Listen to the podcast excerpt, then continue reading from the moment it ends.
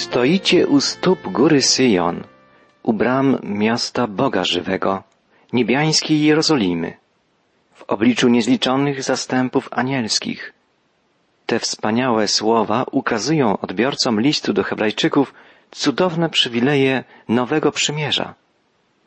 Jako Izraelici, adresaci listu znali doskonale miejsce ukochane przez Dawida, opiewane w wielu jego psalmach. Góra Syjon to symbol Jerozolimy, także tej przyszłej, niebiańskiej. O niej właśnie mówi teraz autor listu. Lud wierzących stoi u stóp niebiańskiego Syjonu, u bram przyszłej Jerozolimy. Jest to uroczyste zgromadzenie, w którym uczestniczą także niezliczone zastępy aniołów. Wspaniała jest ta wizja przyszłego, radosnego dnia triumfu wszystkich wierzących, którzy wraz z aniołami będą wielbić Boga u kresu czasów. Już teraz są u bram miasta Boga żywego, u progu domu niebiańskiego Ojca. Jest to możliwe dzięki Jezusowi Chrystusowi, który otwarł drogę do nieba wszystkim, którzy mu ufają. Autor listu pisze dalej o zgromadzeniu pierworodnych zapisanych w niebie. Pierworodni byli uznawani za szczególnie godnych. Oni otrzymywali dziedzictwo, błogosławieństwo Ojca. Tutaj określenie to odnosi się do wszystkich, którzy narodzili się na nowo. Wszystkich, którzy przyjęli Jezusa jako swego Zbawiciela i Pana. On został nazwany pierworodnym synem niebiańskiego Ojca.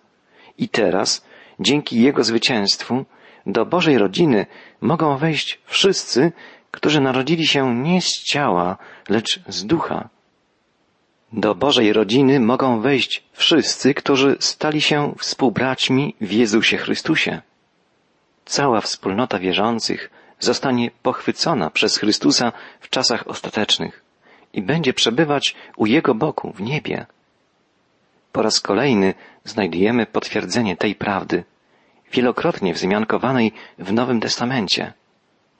W liście do Hebrajczyków czytamy o odrodzonych, że są zapisani w niebie. Kiedyś królowie posiadali rejestry wiernych sobie obywateli.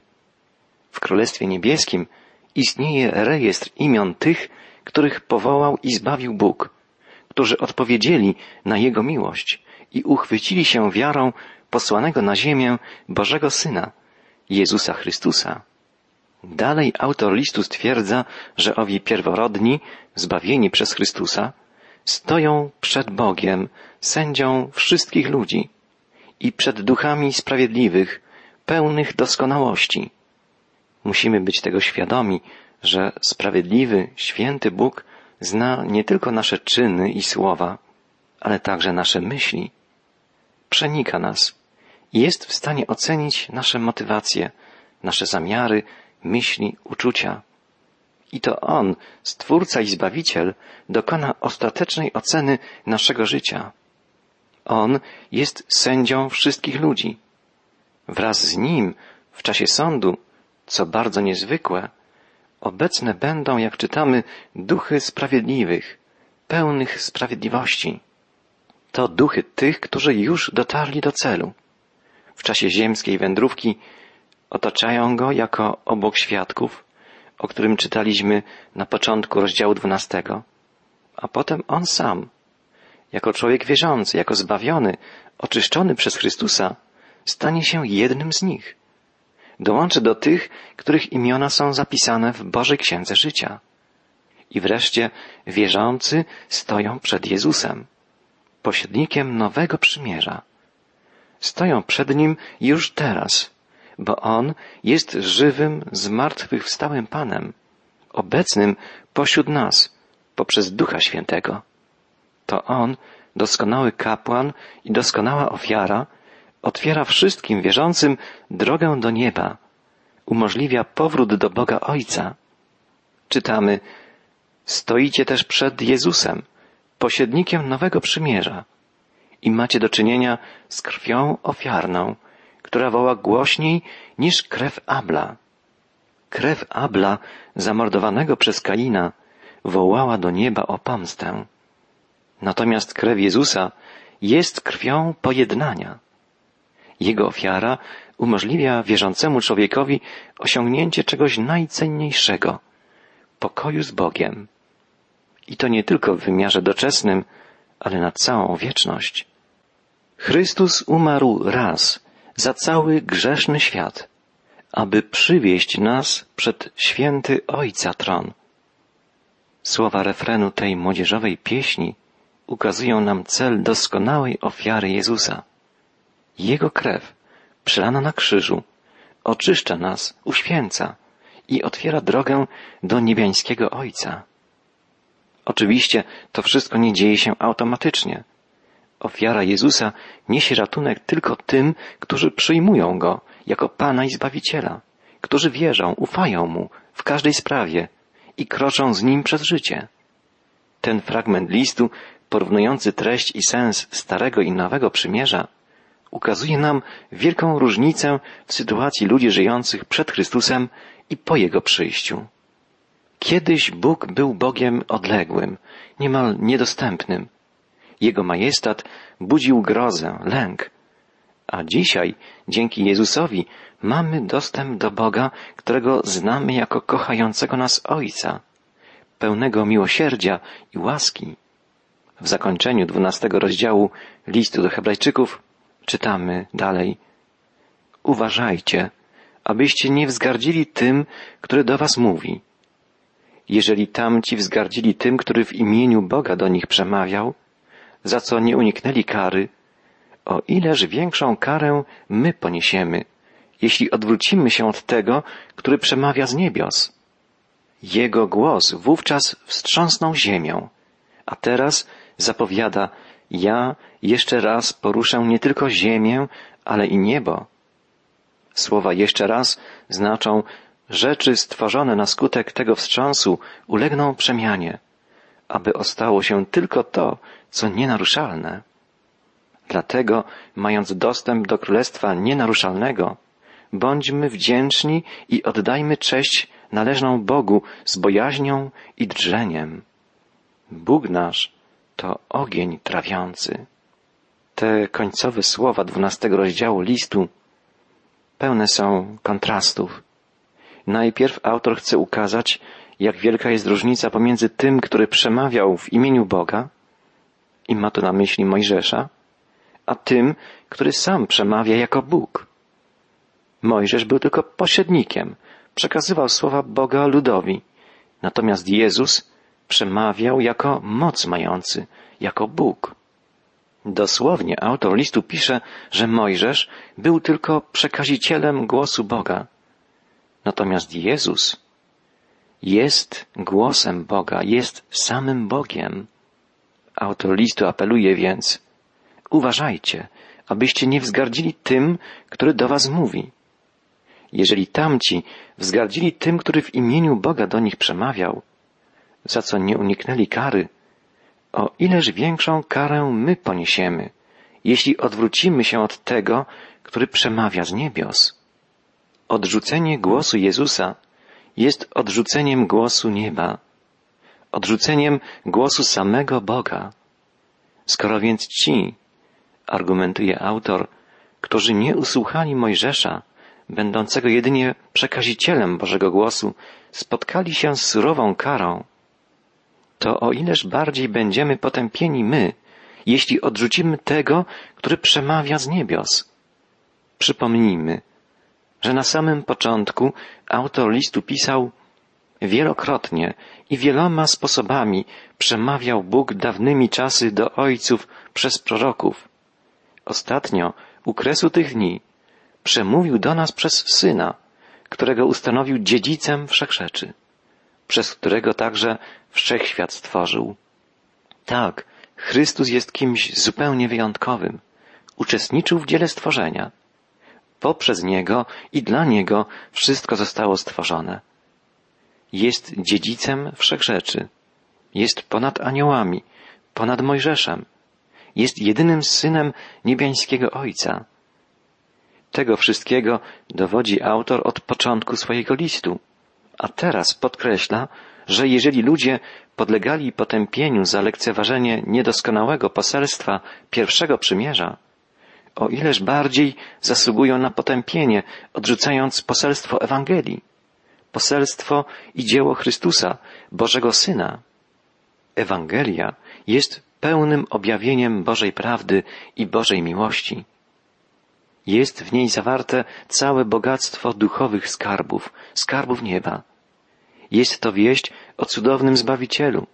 Jest to głos samego Boga. Dlatego nie można lekceważyć Ewangelii. Uważajcie, abyście nie wzgardzili tym, który do was mówi, apeluje autor listu.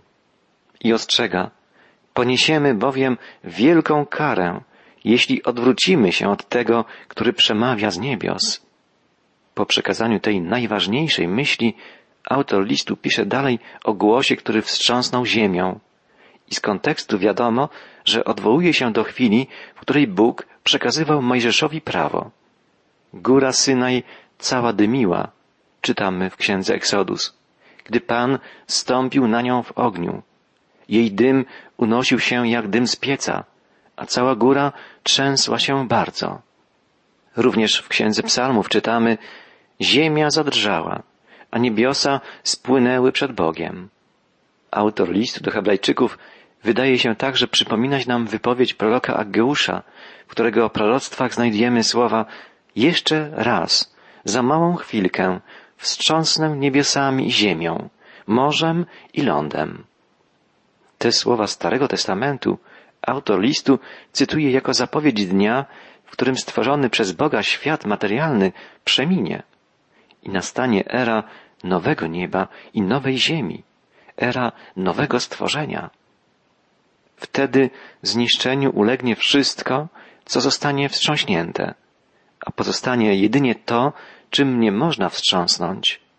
Królestwo Boże, a w nim wspólnota wierzących, złączona z Chrystusem, Królem.